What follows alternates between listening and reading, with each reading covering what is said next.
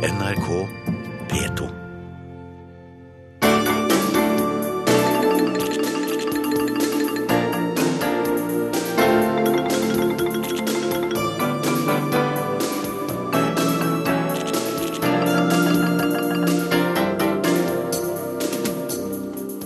Ukrainas president har forlatt Kiev, og lederen for parlamentet har sagt opp. Det er kaotisk i Ukraina, og det koker også på gatene i Venezuela og i Syria. Jeg lurer ofte på hvordan Bashar al-Assad har det, sier Jonas Gahr Støre, som traff Syrias president mange ganger. Jeg tenker mye på det, faktisk. Fordi det er jo noe som skjer med deg når du møter mennesker, og du kan identifisere deg litt. Og med noen av de kollegene jeg hadde som utenriksminister, så kom vi jo ganske nær i å snakke om familieting, hvordan vi kombinerte jobb og familie. Håndteringen av Dalai Lamas besøk blir avgjørende for normaliseringen av forholdet Norge-Kina, sier Kina-ekspert.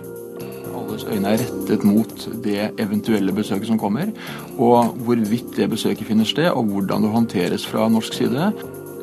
Ingen våger helt å tro på fredsavtale i Colombia etter 50 år med borgerkrig. Og i Brasil håper de jordløse på en mer rettferdig deling av godene. Vår korrespondent på de britiske øyer har lært seg høflighet. Tusen takk for at du hører på. Ja, tusen takk. Håper det passer med korrespondentbrev nå. Vær vennlig og sett deg godt til rette.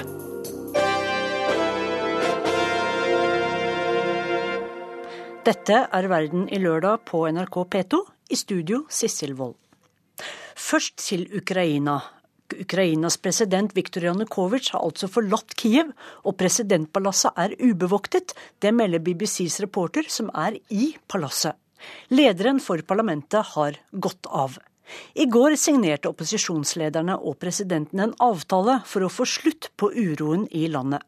Avtalen krever at en samlingsregjering dannes, at maktbalansen endres, og at en ny president velges i løpet av året. Ulovlige våpen skal innleveres, og alle må avstå fra mer vold. Alle må også jobbe for at livet skal gå tilbake til det normale, ifølge denne avtalen. Hans-Wilhelm Steinfeld holder fortet for NRK i Ukrainas hovedstad, og jeg spurte ham rett før sending om hva som egentlig skjer i landet nå. Uh, en av de viktigste opposisjonslederne, eksportmotstanderen Vitalij Klitsjko, har nettopp sagt i parlamentet at presidenten har forlatt hovedstaden, og han krever presidentvalg innen 25. mai. Det at presidentresidensen utenfor Kiev ubevoktet er aldeles eksepsjonelt, for det pleier å hagle med livvakter og sikkerhetsfolk der ute. Og det at presidenten står tom og journalister fritt kan ta seg inn, kan jo tyde på at president Viktor Janukovitsj har forlatt Kiev. Hvordan tror du det påvirker demonstrantene?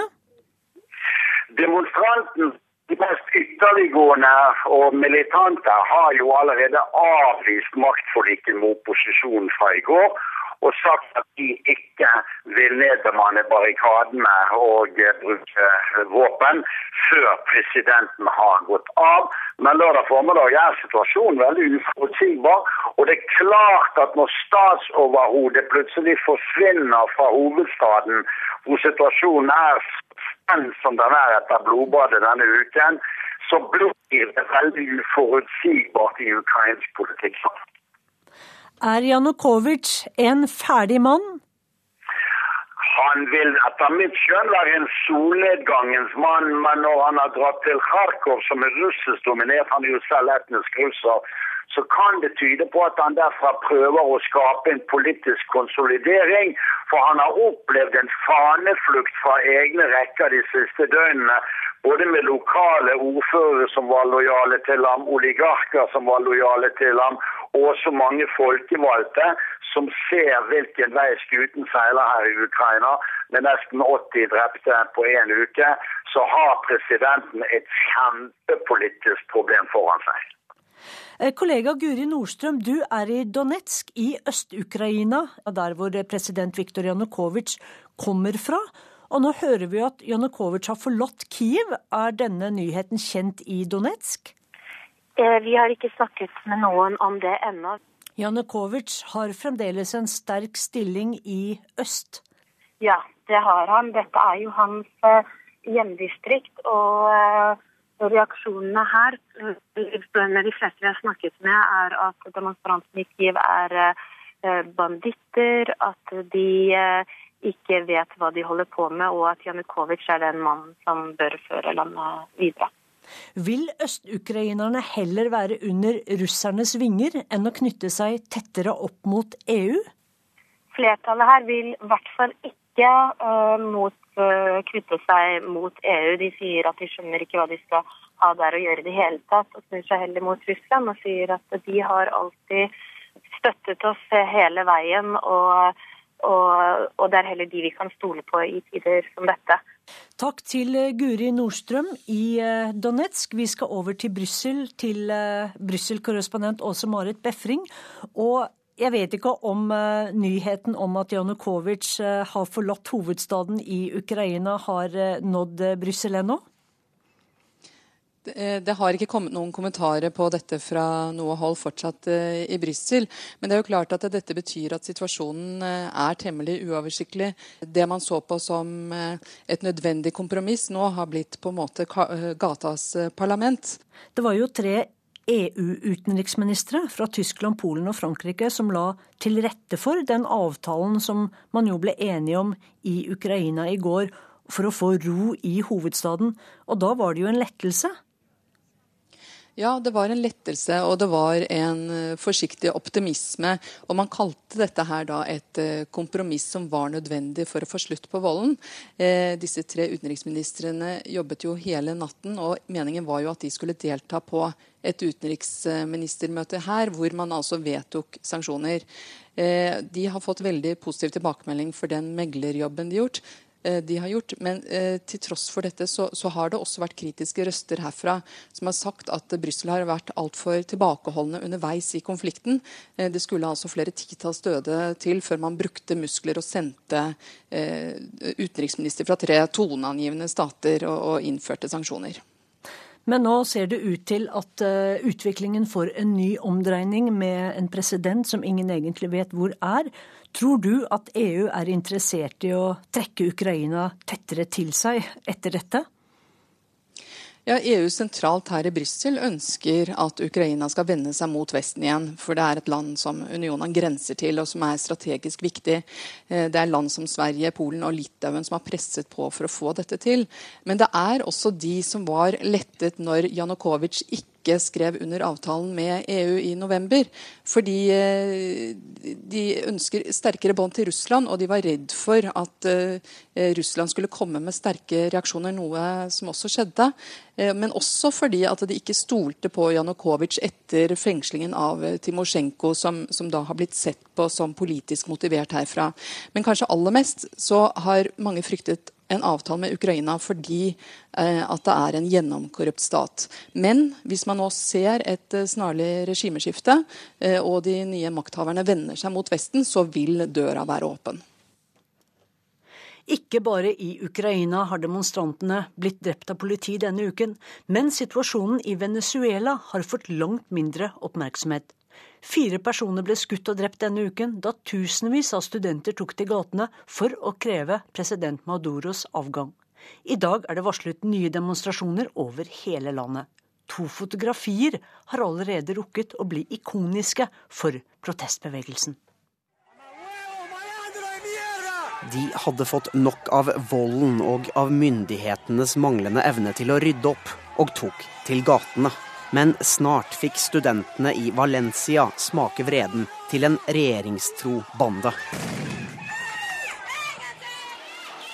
Bildet av den 22 år gamle skjønnhetsdronningen Genesis Carmona, som ligger livløs over fanget på en venn på en motorsykkel i rasende fart mot sykehuset, har blitt et ikon for titusener av venezuelanere som denne uken marsjerte i protest mot president Nicolas Maduro. Men samme dag, tirsdag denne uken, i hovedstaden Caracas, var det duket for enda flere ikoniske fotografier. Og denne gang var det hele velregissert. På sokkelen til en statue av den cubanske frigjøringshelten José Marti I hvit skjorte og med det røde, gule og blå venezuelanske flagget i hånden talte den karismatiske opposisjonslederen og rikmannssønnen Leopoldo Lopez til folkehavet. President Maduro hadde nylig utstedt arrestordre mot mannen han kaller en fascist, fordi han skal ha organisert de voldelige demonstrasjonene som har herjet Venezuela den siste tiden. Med et rop om et fritt og demokratisk Venezuela kysset Lopez sin kone, klatret ned fra statuen og lot nasjonalgarden trekke ham inn i et pansret kjøretøy. Well, I think uh, it was dramatic. You know, the, I think the photos are going to be iconic. It could hardly have been better organized in terms of the optics of it. Det kunne knapt vært bedre organisert, sier David Smiley, en av verdens fremste Venezuela-kjennere ved The Washington Office for Latin America, som har tilbrakt uken i Caracas. Det hele var planlagt ned til minste detalj.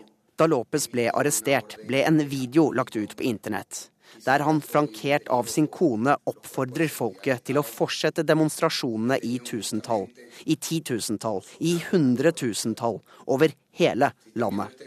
Mot myndighetenes løgner, mot korrupsjon og mot deres aksjoner mot journalister og media. Smiley mener Lopez sin avgjørelse om å la seg arrestere er et smart trekk for i Venezuela er fengsling en vei til politisk suksess. Hugo Chávez selv ble mye mer populær mens han satt i fengsel for kuppforsøk. Nå kan også Lopez bli en martyr, og derfor venter Smiley at opposisjonslederen snart blir løslatt.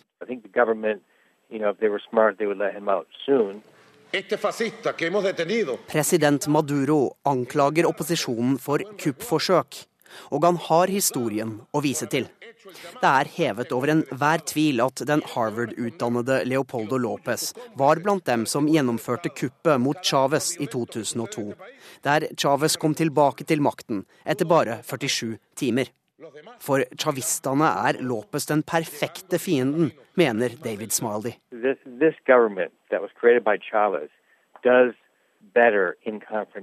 de liker seg bedre med konfrontasjon enn i en normal demokratisk prosess. Derfor foretrekker de å kjempe mot hardlineren Lopez, sier han.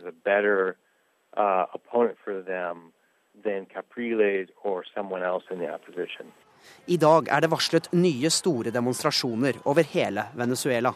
Det blir en viktig pekepinn på om bevegelsen vil vokse seg større, eller om den bare vil dø ut, mener Smiley.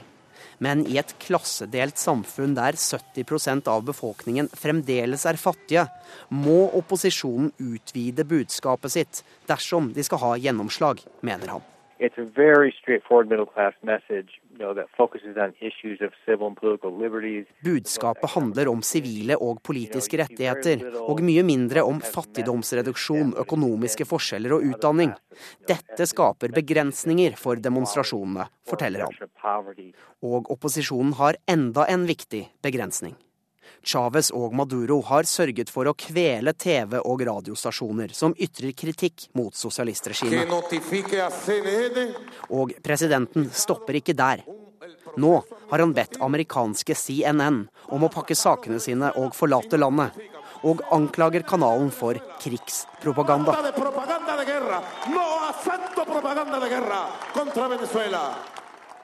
Reporter Stig Arild Pettersen.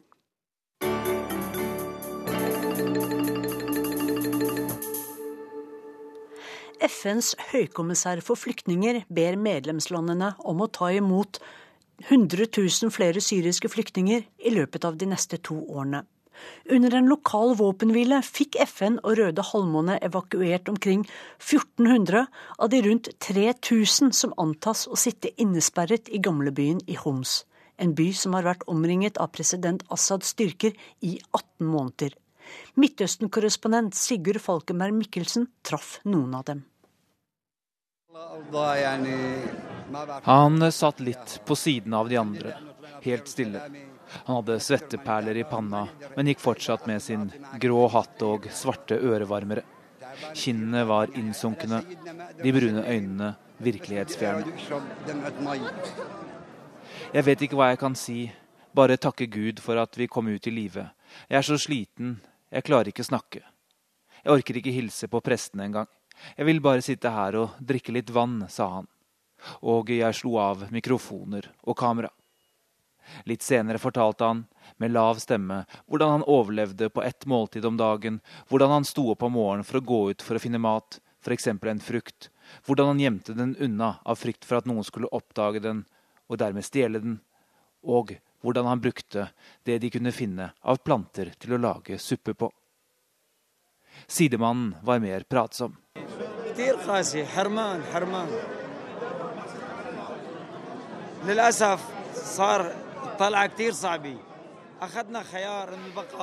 Det var så vanskelig å finne mat. Det var nesten ingenting å finne. Da vi bestemte oss for å bli værende, visste vi ikke at det skulle bli så ille, sa Ahmad Elias, anestesilege av yrke. Begge de to har overlevd beleiringen av gamlebyen i Homs og var blant de rundt 1400 menneskene som ble evakuert derfra i forrige uke. Han bestemte seg for å bli værende i sitt hjem da det ennå var mulig å dra, for rundt to år siden. Han hadde ingen idé om hva som ventet. Krigen, beleiringen, sulten. Som mange av dem fortalte han at det begynte å bli virkelig ille på slutten, både matmangelen og sikkerhetssituasjonen. En eldre dame, Ruwaida Habas, sa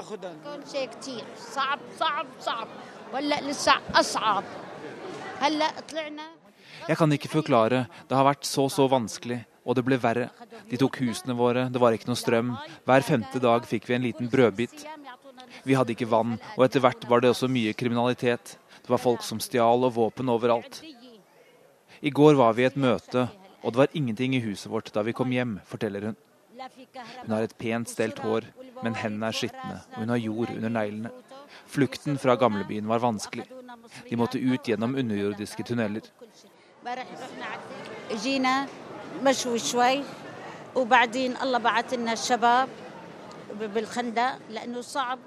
Heldigvis sendte Gud noen folk som hjalp oss gjennom disse tunnelene. Jeg ble båret gjennom dem, den ene tunnelen verre enn den andre.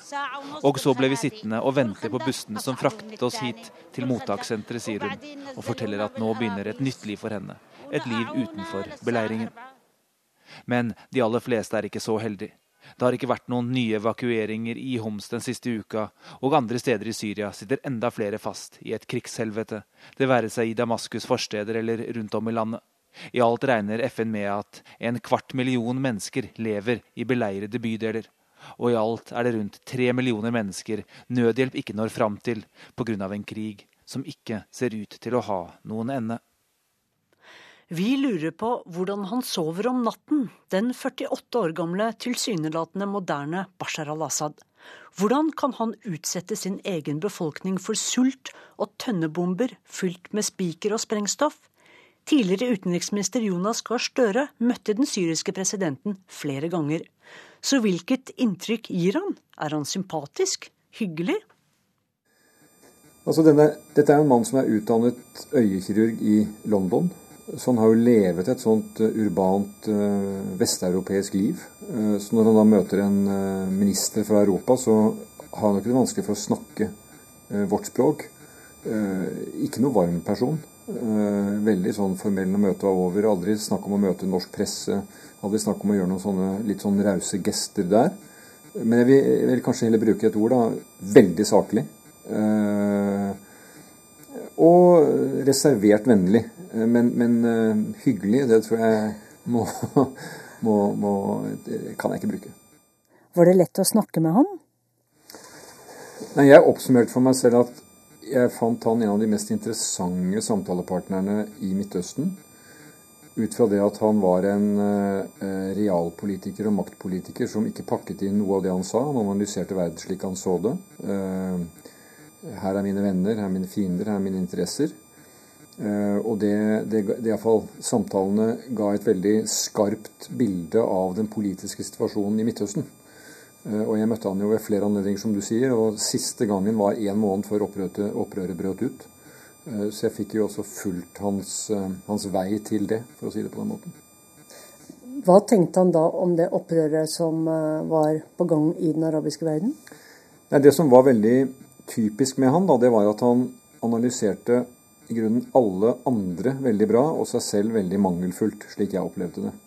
Eh, når jeg stilte han spørsmål om menneskerettighetssituasjonen, hvordan han håndterte da eh, folk med andre meninger, eh, hvordan de økonomiske reformene skulle kunne utvikle seg om han ikke også involverte folk i demokratiet på en annen måte, så sa han det at det er ikke Syria moden for, det kan vi ikke snakke om. Det må vi ta, med, det må vi ta forsiktig. Da ble han på mange måter pakket han inn uttalelsene sine. Eh, men i forhold til det som skjedde rundt han, så var jo han under den arabiske våren eh, tidlige fasen eh, opptatt av at dette var noe Syria på mange måter var beskyttet fra. I Syria var ikke de spenningene. Sa han noe om hvilke venner han har, og hvilke venner han skulle ønske at han, hadde hatt i Midtøsten? Altså, Jeg var jo en blant noen kolleger som mente at det var viktig å snakke med syrerne, slik at ikke de havnet fullt og helt i, i, i hendene på Iran, som egentlig var deres eneste venn.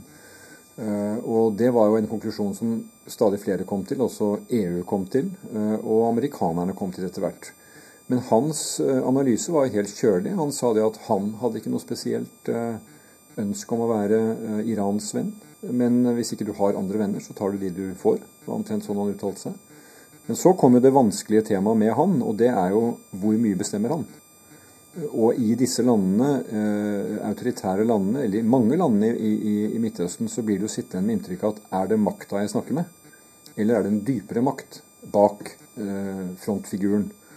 Eh, og det er vanskelig for oss i Europa å forstå helt, for vi er jo stort sett vant til at vel regjeringen er den utøvende makt. Og Det som er kjennetegnet ved han som en internasjonal aktør, er jo at han snakker veldig tydelig om de løsningene han trenger, men han klarer ikke å levere på dem. Og jeg tror mange innenfor FN og eh, USA og Frankrike og Europa som har forsøkt å gjøre avtaler med Bashar al-Assad, de har forlatt møtet og opplevet at vi er enige om alle 20 punktene, og så kommer du tilbake etter en viss tid, og så er det ikke skjedd noe på noen av dem. Hvilket etterlater inntrykk av at han kanskje ikke enten ikke har ment det han sa, det er selvfølgelig mulig, eller ikke har hatt evne til å gjennomføre det han har sagt ja til. Tenker du av og til på ham nå, når han sitter i den situasjonen han sitter i? Eh, hvordan han må ha det? Jeg tenker mye på det, faktisk. Fordi det er jo noe som skjer med deg når du møter mennesker, og du kan identifisere deg litt. Og med noen av de kollegene jeg hadde som utenriksminister, så kom vi jo ganske nær i å snakke om familieting, hvordan vi kombinerte jobb og familie. Eh, men han har jo mer lest om det, og det er jo skrevet noen veldig nærgående biografier om at dette er jo en mann som da eh, formodentlig har levet et familieliv ganske likt. Og det ble jo sagt at uh, om han ikke var sånn at han, at han måtte gå klokken fire for å hente i barnehagen, så dro han hjem til familien, tok del i eh, barnestellet da barna var små, fordi at sånn var hans kone, at de hadde den fordelingen.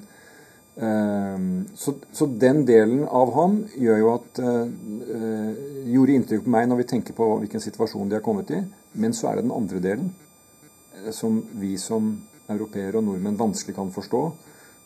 Som er maktkulturen, voldskulturen, mannskulturen. Hvor langt du vil la deg tråkke på, på tærne før du slår grusomt tilbake. Hevnkulturen som jo hans far praktiserte, og som jo også sønnen har vist at han evner å, å praktisere. Trenger norske myndigheter å samarbeide med Assad-regimet for å få eh, etterretningsinformasjon om norske statsborgere som opererer i Syria nå? Det mener jeg vi må være åpne for. Eh, og det er jo faktisk slik at det fortsatt er de som eh, i store deler av territoriet står for styre og stell. Eh, og Det betyr at vi fortsatt etter alle mulige Genéve-konvensjoner holder dem ansvarlige for humanitærretten, og, eh, som jo blir brutt hver eneste dag og hver eneste time. Eh, men det er jo en av grunnene til at vi, vi ikke bryter diplomatiske forbindelser med Syria, selv om ikke vi har ambassadenærvær. Så må vi forholde oss til de myndighetene som er, bl.a. for å få kritisk informasjon som også vi trenger. Så det forutsetter jeg at norske myndigheter gjør i den grad de trenger det. Både diplomatisk og via politi og sikkerhetstjenester. Så Assad og regimet hans er på en måte en partner som eh, Vesten trenger pga. islamistene? Det er jo altså det, den makten som har øh, kontroll over hovedterritoriet i Syria. Det er de som stiller på møte i Genéve for å prøve å forhandle løsninger. Eh, så det kan man ikke bare definere bort ved å si at det er ikke slik lenger. Sånn var det jo faktisk også i Libya, helt inntil det regimet falt. Eh, så måtte du forholde deg til det regimet som var i Libya. Eh, og det er en realitet i forholdet mellom stater. Så jeg vil vel ikke kalle han en partner, Men det er iallfall den vakten som etter folkeretten har kontroll over deler av Syria, og som vi må holde ansvarlig, og som vi også kan kontakte.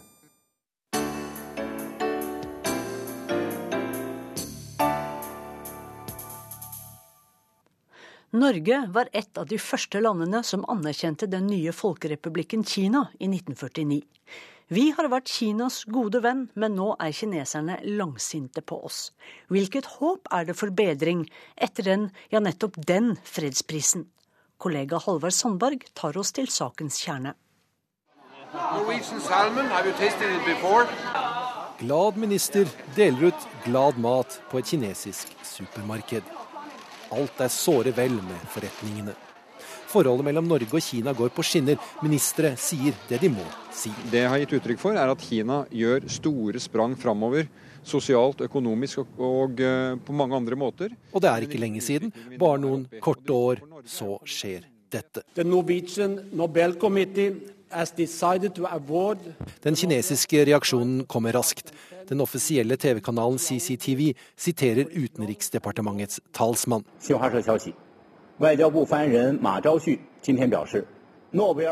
Nobelprisen skal egentlig gå til folk som fremmer harmoni mellom land, internasjonalt vennskap og som arbeider mot fred.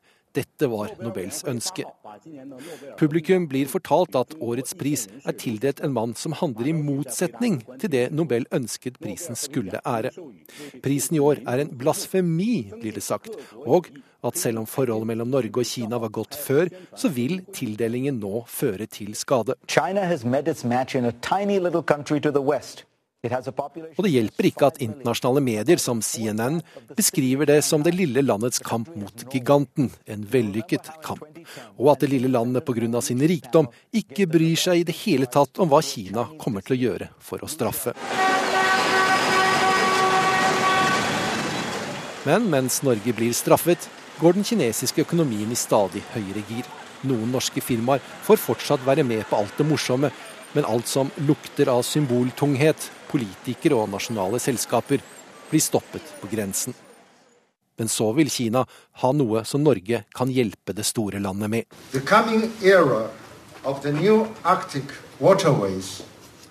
Den kinesiske ambassadøren på nordområdekonferanse i Kirkenes. Kina har med Norges støtte fått observatørstatus i Arktisk råd. Kanskje det ikke er så kaldt likevel. Men Forretningene i Kina fortsetter i sitt høye tempo, uten nevneverdige nye norske inntog.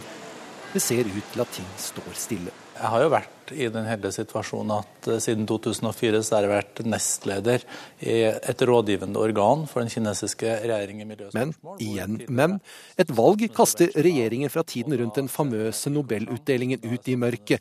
Kanskje nye koster vil få ting i gir. Det kan skje, men det er minst ett stort men igjen. Uh,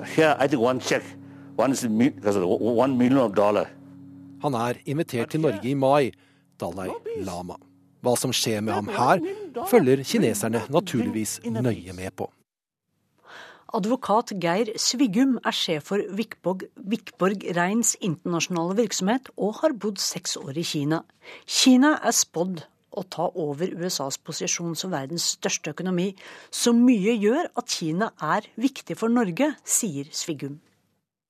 Det kan være alt fra energisamarbeid, vindkraft i Kina, det kan være kinesiske investeringer på norsk eh, sokkel osv.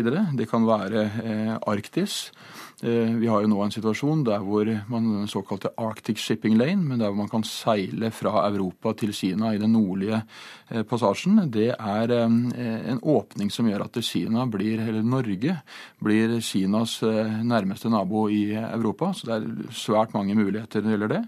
Kina er et voksende og betydelig marked for norsk fiskeeksport osv. Så, videre. så både av generelle og spesielle Norge-relaterte grunner så er Kina et svært viktig land for Norge.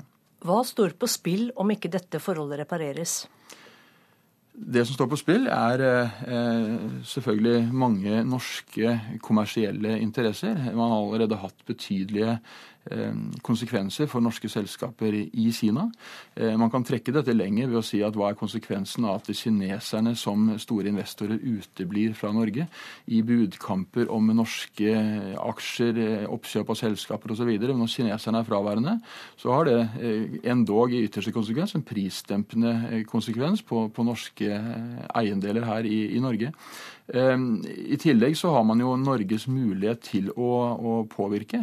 Kina blir en viktigere og viktigere aktør også på eh, verdensarenaen. Og Norge har eh, spilt eh, roller i mange sammenhenger, i fredsarbeid osv. Og, så og et samarbeid med Kina der er viktig.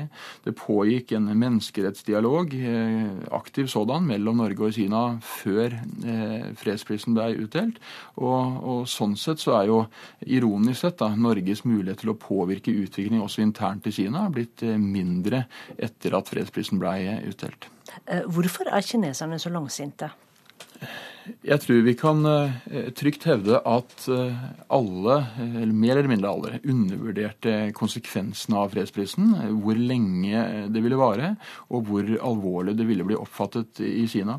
Og det har dels med å gjøre at Eh, kineserne ser dette på i et større bilde. De ser på dette som en, en, eh, vestlig agenda for å underminere kinesisk vekst og det kinesiske lederskapet, og ser da på den norske Nobelkomiteen som en brikke da i et, eh, et større spill.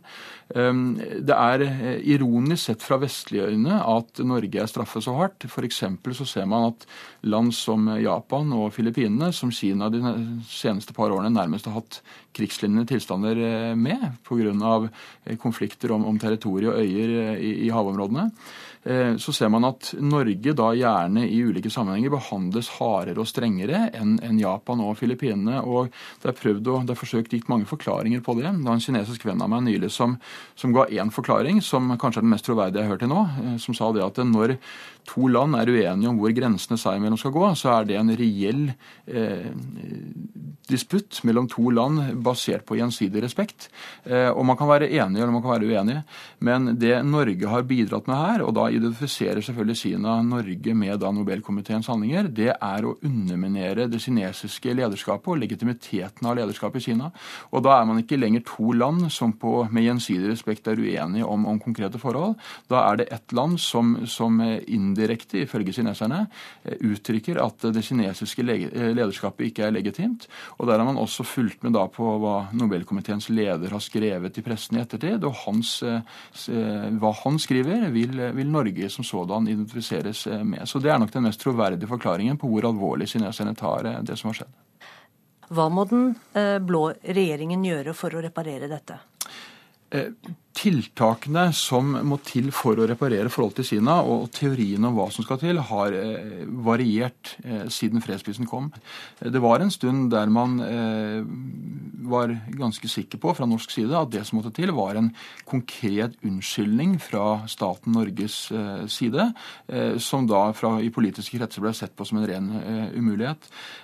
Det er ikke det kineserne krever i dag, det er de ganske tydelige på. og det de har det mest det klare klareste formulering man får om hva som kreves, er at det må konkrete initiativ til og konkrete tiltak til. Eh, og jeg tror at det er eh, Hvis man analyserer hva som kommer ut fra, fra Kina, så er, det to, det to ting. Det ene er en forståelse for kinesernes reaksjon. At det uttrykkes en forståelse eh, for hvordan kineserne oppfatter dette her. Med da tanke på å, å bedre situasjonen med landet kommunikasjonsmessig, og dette har med respekt respekt for kineserne. Det andre er konkrete tiltak som er positivt for begge land, der hvor begge land har felles interesser, og der man er i en situasjon at det bør ikke nødvendigvis ha noe med fredsprisen å gjøre overhodet, men det kan være enten å støtte Kina i et uh, tema som internasjonalt uh, er, ikke er ukontroversielt, iallfall. Eller kan være rett og slett større felles muligheter. Og, og da har vi tenkt på særlig uh, dette med Arktis, og, og, og, hva landene kan gjøre sammen der. Og det pågår selvfølgelig et arbeid både fra næringslivets side og, også på politisk hold for å se på hvilken mulighet man kan finne der. Dalai Lama kommer etter planen til Norge i mai. Hvilken effekt vil det besøket ha for forholdet Norge-Kina? Vi er inne i en prosess eh, mellom Norge og Kina nå som jeg vil kalle en normaliseringsprosess. Eh, som er en lang vei, men, men der eh, landene har en felles forståelse om hva som skal til for å normalisere forholdet mellom landene. Og eh, jeg vil tro det er riktig å si nå at eh, alles øyne er rettet mot det eventuelle besøket som kommer. Og hvorvidt det besøket finner sted, og hvordan det håndteres fra norsk side, vil ha eh, helt avgjørende betydning for den normaliseringsprosessens videre forløp. Takk til advokat Geir Svigum, styreleder i Norwegian Business Association i Shanghai.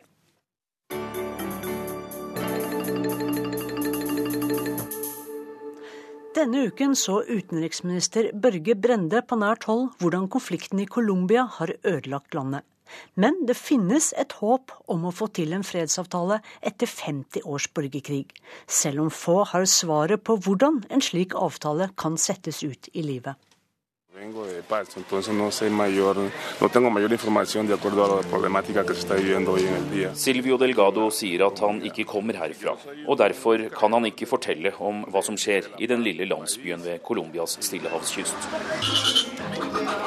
Han står på utsiden av Flyktninghjelpens kontor i Imbili og ser på oppbudet av livvakter og militært personell. Sikkerhetsvurderingen er at FARC-geriljaen styrer her med frykt og utpressing, men ingen av innbyggerne tør snakke om det mens mikrofonen står på. Men Silvio Delgado, som står sammen med datteren og forsøker å henge opp en serie lyspærer utenfor trehuset, sier at han håper og tror på en fredsavtale i Colombia. Creo, soy un creador de la paz de. Vi er i det frodige Nariño-fylket med utallige elver, palmer, kontrollposter og tropiske temperaturer. Barna hopper i vannet fra lave broer, kvinner vasker klær, og fiskerne sitter i små båter. Ute på havet, der det er større fangst å få, tør de ikke reise lenger. Der blir de drept av narkobanditter, forteller flere her, hvis de ikke har betalt vaksine. En form for avgift eller beskyttelsespenger som de færreste har råd til. Det er eh, også i denne regionen det meste av Colombias dyrking av coca-blader skjer, og hvor den venstreorienterte FARC-geriljaen og kriminelle bander styrer. Tettstedet Imbili, omringet av jungel, er en av mange med afrocolombianske flyktninger fra bygdeområdene. De har blitt presset ut fordi de ikke vil dyrke eller gjøre som geriljaen sier. Det har bare blitt verre de siste åra, forteller nabolagslederen César Rosales. Muchos han muerto, muchos han por, eh, debido a la violencia. Men eh, når vi spør om det er FARC som kontrollerer byen her, bare ler han. Viser tegn til at opptaket må stanses, for sånne spørsmål kan han ikke svare på.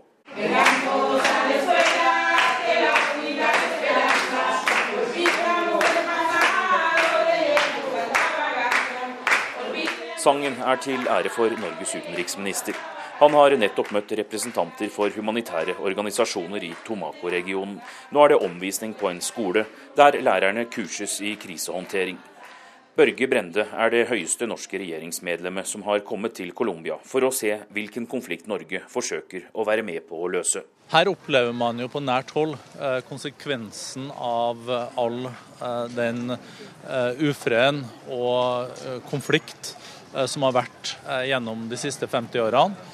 Hundretusenvis av mennesker har jo blitt eh, drept i eh, Colombia. Og her ser man jo fortsatt at eh, geriljaen er jo rundt oss her på alle kantene. Og Når du da ser også forholdene på bakken, hva tenker du om mulighetene til å klare å få en avtale på plass? Jeg tenker at Det er svært viktig. Dette dreier seg om Colombias fremtid. Hvis man ikke får en fredsavtale, som er forpliktende og gjennomførbar, så vil jo fattigdommen fortsette her. Og det vil jo også være sånn at eh, folk blir drevet fra hus og hjem, fordi her er det jo gerilja som kriger mot eh, regjeringsstyrkene. Og det er eh, rett og slett veldig vanskelige humanitære forhold. Mr. President, good to see you again. Nice to see you. Yeah, very nice to see you. Thank you for receiving me. Denne uka har Brende hatt politiske samtaler i Colombia for å understreke at også den nye regjeringen støtter fullt opp rundt fredsprosessen. Utenriksministeren har også undertegnet en intensjonsavtale med Sør-Amerikas tredje største økonomi om å holde faste møter om menneskerettigheter og arbeidernes rettigheter.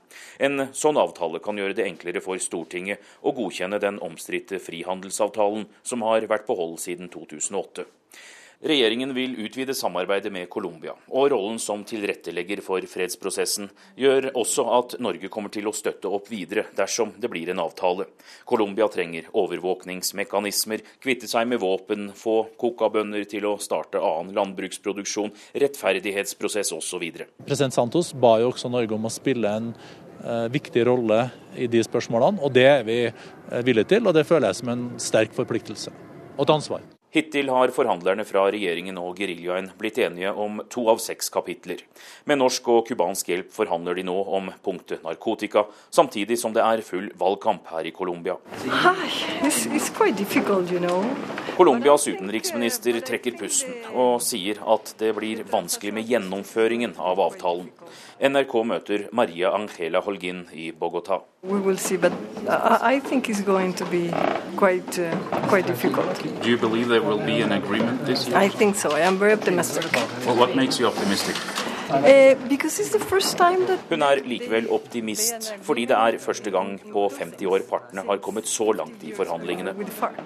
Alternativet er verre, skyter Børge Brende inn. I am optimistic. And realistic, I, I think it's, it, it's, it's possible to get it done, and the alternative is much worse, isn't it? I think so, and I think so. Og der sitter da Petro, den gamle geriljakriger fra M19, er da ordfører. En kort guidet tur i colombiansk historie og politikk. Justispalasset som ble okkupert. Plaza Bolivar i Bogotá er fortsatt fylt med duer og noen lamaer som turistene kan la seg avbilde med. Gamlebyen er delvis pusset opp, men på landsbygda i Colombia har det vært liten utvikling. Nariños guvernør Raúl Delgado tok imot den norske utenriksministeren på hans felttur. Fylket sliter med narkotrafikk, flyktninger og kamp mellom væpnede grupper. Guvernøren føler han styrer en av de glemte delene og hardest rammede regionene i Colombia. Det er vi som har størst forhåpninger til fredsprosessen som Norge bidrar til, sier guvernør Delgado til NRK.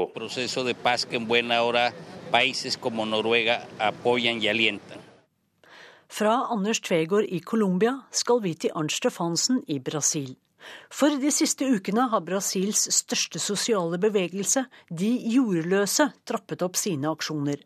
Den har 1,5 millioner medlemmer, som kjemper for en mer rettferdig fordeling av jorda.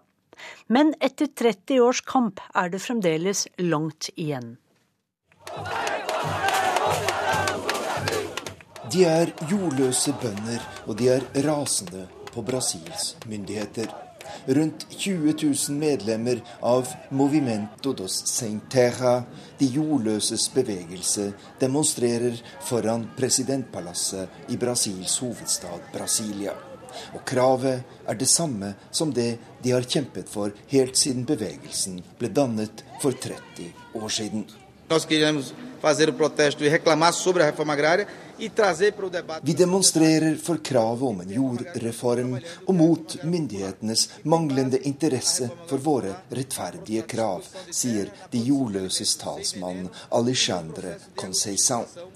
Fortsatt er det hundretusener av fattige bønder som ikke har fått den jorda de har krav på, og de siste årene har arbeidet med tildeling av jord gått saktere og saktere.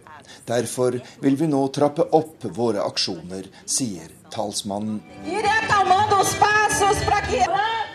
En skog av røde flagg fyller plassen foran presidentpalasset, et fryktet symbol for Brasils rike og mektige jordeiere, og et symbol på håp for landets fattige. De jordløse er Brasils største sosiale bevegelse, med 1,5 million medlemmer, og de har skaffet jord til mer enn 250 000 familier. Men fortsatt bor rundt 100 000 familier i kummerlige leirer mens de venter på å få tildelt et jordstykke de kan leve av. E. Det er helt nødvendig at vi nå får løst disse problemene, sier Deborah Nunes, en av lederne for de jordløses bevegelse. Dette er familier som lever et totalt uverdig liv, de fleste av dem i det fattige og tørre Nordøst-Brasil, der det er svært vanskelig å finne noe å leve av. Vi vet at disse bøndene har krav på å få tildelt jord, og det er trist at en regjering som ledes av et arbeiderparti, gjør så lite for å hjelpe dem, sier talskvinnen.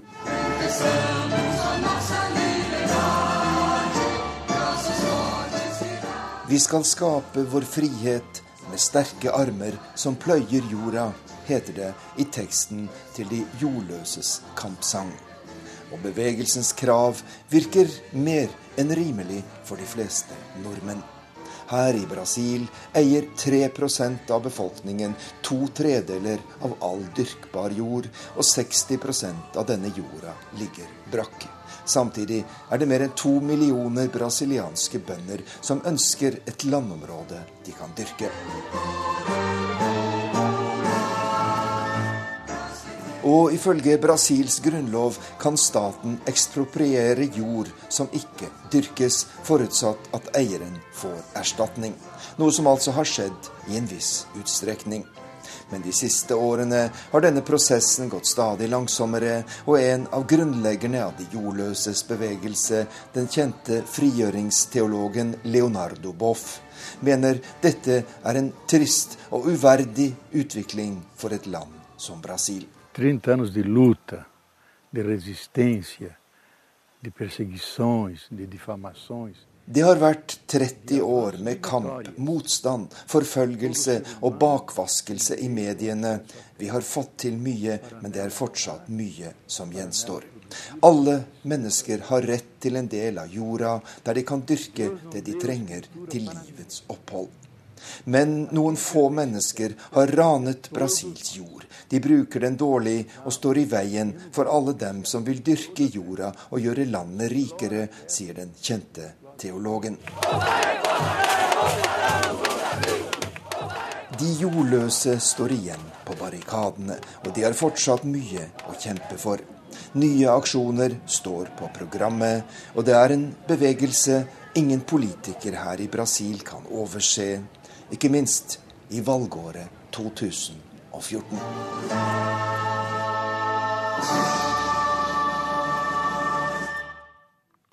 Ukens korrespondentbrev er postlagt i dronningens egen by, London. Vær så god, korrespondent Espen Aas. Hei! God morgen. Hvordan har du det? Hvordan står det til? Tusen takk for at du hører på. Ja, tusen takk. Håper det passer med korrespondentbrev nå. Vær vennlig og sett deg godt til rette. Ok, det er kanskje nok. Denne lille kanonaden av høflighetsfraser er et lite utsnitt av en helt vanlig dag her i øyriket. Som kjent er briter svært høflige av seg. Det takkes, det vær så snilles, det smiles, blunkes og holdes dører dagen lang. Noe annerledes enn slik vi oppfører oss overfor andre hjemme i furet værbitt. Og noen blir nærmest sprø av denne høfligheten. Jeg må innrømme at jeg liker det. Dagens første høflighet er enten med naboen, eller, hvis du er en mann i 40-årene, på en tidlig joggetur før arbeid. Jeg bor rett ved et av Londons største friområder, som er populært for rekreasjon og trening, og du har ikke snublet deg langt av gårde før et muntert good morning siver inn gjennom øreklokkene og forbi BBCs morgensending eller lydboken eller hva det nå er som er på øret. Og da gjelder det å gjengjelde kjapt, en vil jo ikke være uhøflig.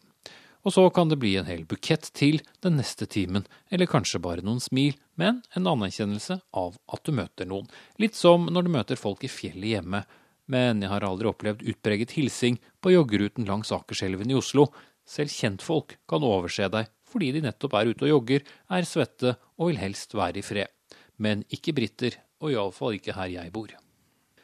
Neste høflighetsfrase utveksles som regel i forbindelse med transport drosje gjerne, men i denne delen av byen i Wimbledon er folk også opptatt av å både hilse på og i enda større grad takke bussjåføren for turen, eller det at han åpner døren for dem når de har trykket på stoppsignalet. Jeg har tatt en solid dose med buss i London opp gjennom årene, men å rope takk når jeg går av bussen ser ut til å være et ganske lokalt fenomen, men nå gjør jeg det selv også, hver gang. Ikke når jeg går av ved jernbanestasjonen eller tubestasjonen, men på vei hjem ved mitt busstopp. Da roper jeg 'thank you' når jeg går av, selv om det er nettopp det han skal gjøre, åpne døren fordi jeg har trykket på stoppsignalet. Hvis du skal inn til sentrum av London i rushtiden, for min del blir det med tog eller tube, så er det frem til ni-halv ti-tiden en studie i hvor mange mennesker som man klarer å stappe inn i en vogn, særlig hvis du tar toget. For mange kommer utenbys fra, og når vi som bor innenfor bygrensen skal være med de tre-fire siste stoppene inn til sentrum, så er det mildt sagt trangt. Det må noen runder til med 'sorry' og 'excuse me', mens du med et skohorns presisjon jekker deg og eventuell bagasje i mitt tilfelle ofte en stor kamerabag eller en sekk med en laptop, inn imellom alle de andre som fyller opp de siste millimeterne av plassen. Det blir noen dyttinger, det blir noen tær du tråkker på, bokstavelig talt. Men med så ektefull stemme som mulig dekkes det over, og det er greit, selv om det nok kan koke litt på innsiden hos folk, men det blir som regel der. Briter tipper sjelden over, de er oppdratt til ikke å gjøre det. På sitt beste kan du få en ytterst unnskyldende 'Beklager å forstyrre deg, men du står på foten min, og jeg skulle så gjerne ha gått av på denne stasjonen.' På det verste litt himling med øynene hos noen hvis du virkelig har dælje til dem. De behersker seg, og sånn må det nesten være når så mange millioner mennesker skal klare å kravle rundt på hverandre til enhver tid, slik de gjør i London. Som en venn som er innfødt londoner sa, når vi har så liten plass til så mange mennesker, så må vi bare holde på med alle våre please og thank yous, og så kan vi more oss med å drive noen av dere utlendinger til vanvidd med det samme noen ganger også. Og nær vanvidd kan det føles. Jeg tror det gikk flere år før jeg lærte meg å like det, og da ser jeg også at det virker. Skjønt jeg kunne kanskje hatt et like langt korrespondentbrev, og når høfligheten snur til ironi og sarkasme, men det får bli en annen gang. Har du overlevd turen inn til sentrum, vil du som oftest ende opp i en kaffekø, enten før avtalen din eller kanskje senere på dagen til lunsj. Husk for all del å legge til en vær så snill når du ber om det du skal ha, etter at du har hilst. Avhengig av type sted kan det også bli utvekslet en runde. Hvordan har du det, eller hvordan står det til? Vi utlendinger er jo litt utrent der, og glemmer lett at vi bare skal svare at alt er bra, og spørre om det samme, uansett hvor begredelig du måtte føle deg, for ingen har da lyst til å høre at du ikke har det bra, og iallfall ingen som egentlig bare skal selge deg en cappuccino. Men vi skal være høflige med hverandre, og vi skal si ja, vær så snill til spørsmål om sjokoladedryss, og takke skikkelig når vi får både kaffe og vekslepenger tilbake. Gjerne spandere på en ha en god dag også. Etter et radiointervju på British Museum for en stund siden smatt jeg gjennom en kjede som tapetserer mye av London sentrum for å kjøpe lunsj og kaffe. Kvinnen bak disken spurte smilende hvordan jeg hadde det, jeg liker å bli smilt til når jeg skal kjøpe noe, og svarte blidt at jeg hadde det riktig så bra. Har du det riktig så bra? spurte hun, og jeg bekreftet igjen. Ja, da får du cappuccinoen på huset, smilte hun, og jeg betalte kun for sandwichen og gikk fornøyd ut i det grå øspøs-London-været utenfor. Som regel er det mest fraser, men noen ganger kan det altså vippe over i god gammeldags service. Jeg liker det. Og i all denne begeistringen må jeg også legge til dette som handler om å hjelpe til. Kommer noen drassende på en blytung koffert eller vogn, så går det ikke så mange sekundene før noen er der for å tilby hjelp. Det bys frem seter til eldre og til kvinner, selv om noen muligens føler det er noe gammeldags. Kanskje blir det bare svart smilende at de skal av på neste stasjon, men det gir god stemning. Selv drar jeg tidvis rundt på en noe ruvende kamerabag på ryggen som veier 16 kilo dersom jeg har full pakke. Nå er jo ikke det noe problem, men det kan muligens se litt tungt ut, og jeg har muligens heller ikke for vane å se det som en muskelbunt, sånn fra naturens side. Så på vei hjem fra et opptak i august da vi hadde oppunder 30 grader på dagtid, med en ellevill høy luftfuktighet, så sto jeg da på bussen og skulle av. Og skulle også manne meg opp, til et takk til bussjåføren som jeg skjønte var kutymen her i strøket. Jeg halte sekken på ryggen, og i det ilte det til en ung kvinne, ung som i tidlig i 20-årene, altså yngre enn meg. Jeg sto i dress, skjorte og slips og var som alle andre en anelse svett. Hun spurte om jeg trengte hjelp med sekken, jeg takket pent nei, da jeg hadde drasset den opp til TV-opptaket i sentrum og mesteparten av veien hjem igjen. Så takket jeg bussjåføren høyt, det hørte jeg hun også gjorde, før vi begge gikk av og krysset veien, jeg var snart hjemme, men hun var stadig litt tvilende til om hun skulle la denne svette, blonde 40-åringen med bag i familiestørrelse på ryggen gå på egen hånd så hun kommer til meg en gang til. Er du helt sikker på at du ikke trenger hjelp? Jeg følte meg muligens 30 år eldre, men bet tennene sammen og takket igjen for tilbudet. Det er ikke så lenge før jeg er hjemme. Hun smilte, og våre veier skiltes. La gå at det føltes litt sårende at jeg åpenbart så ut som en som ikke klarte å bære min egen bag eller sekk, men det var jo veldig omsorgsfullt å spørre, og jeg liker det. Avhengig av hvor du bor i landet, så kan Oslo-trafikken for mange nordmenn fremstå som noe kaotisk, med en del 40-50-årige gamle herrer med tynn manke og evig dårlig tid i sine tyske biler, og det tutes, gasses og hyttes med never på morgenen og ettermiddagen. Du kan gange den bilmengden mange ganger, og så begynner du å nærme deg London-trafikken, slik den er hele dagen. Like fullt hører jeg forbausende lite tuting, jeg ser knapt en eneste neve eller en finger. Det siste har jeg bare sett én gang siden siste overflytting, selv om det er trafikkert, kø og rundt her jeg bor noen imponerende trange gater å manøvrere rundt. Ikke laget for den litt brede svenske bilen jeg farter rundt i, de gangene jeg må kjøre bil. Men londonerne, de slipper hverandre frem. Mange veier har ikke engang plass til to biler i bredden fordi det står så mange parkert på begge sider, og da slipper vi hverandre frem etter tur og hilser eller blunker med lysene til takk etterpå. Og sakte, men sikkert kommer vi oss dit vi skal. De fleste briter er oppdratt til å være høflige og holde på sinnet sitt. Ikke alle, selvsagt, men etter å ha tilbrakt nærmere fire år av mitt voksne liv her borte, vil jeg hevde de aller fleste. Det blir til og med irritert på en høflig måte. Jeg liker det også, for det tirrer meg ikke tilbake. Sist gang jeg flyttet fra London og hjem til Norge, brukte jeg lang tid på å venne meg til sniking i køer, dører som ble sluppet rett i fjeset mitt, og grynt til svar ved kassen når jeg fikk varer eller penger tilbake. Men det er sånn vi er. Iallfall nordpå. Vi tråkker ikke oppå hverandre, vi har god plass. Selv ikke i de såkalte store byene våre er det for trangt. Og jeg skal ikke konkludere med noe nedsettende om nordmenn av dette heller. Det ville for så vidt vært uhøflig overfor deg som jo har hørt på alt dette også. Men i et stresset og hektisk korrespondentliv gjør det utvilsomt dagen lettere med smil, takk og unnskyld, og for å si det slik, hvis man hadde klart å finne opphavspersonen til uttrykket smil til verden og verden smiler tilbake, så er jeg temmelig sikker på at han eller hun var britisk. For her virker det nemlig. Takk for at du hørte på. Ha en god dag. Til slutt i denne sendingen nevner vi at de ukrainske sikkerhetsstyrkene har skiftet side og støtter opposisjonen nå. Vi følger utviklingen i våre sendinger utover dagen. Teknisk ansvarlig Lisbeth Sellereite, skript Tove Nilsen Søtorp og i studio Sissel Wold. Hør flere podkaster på nrk.no podkast.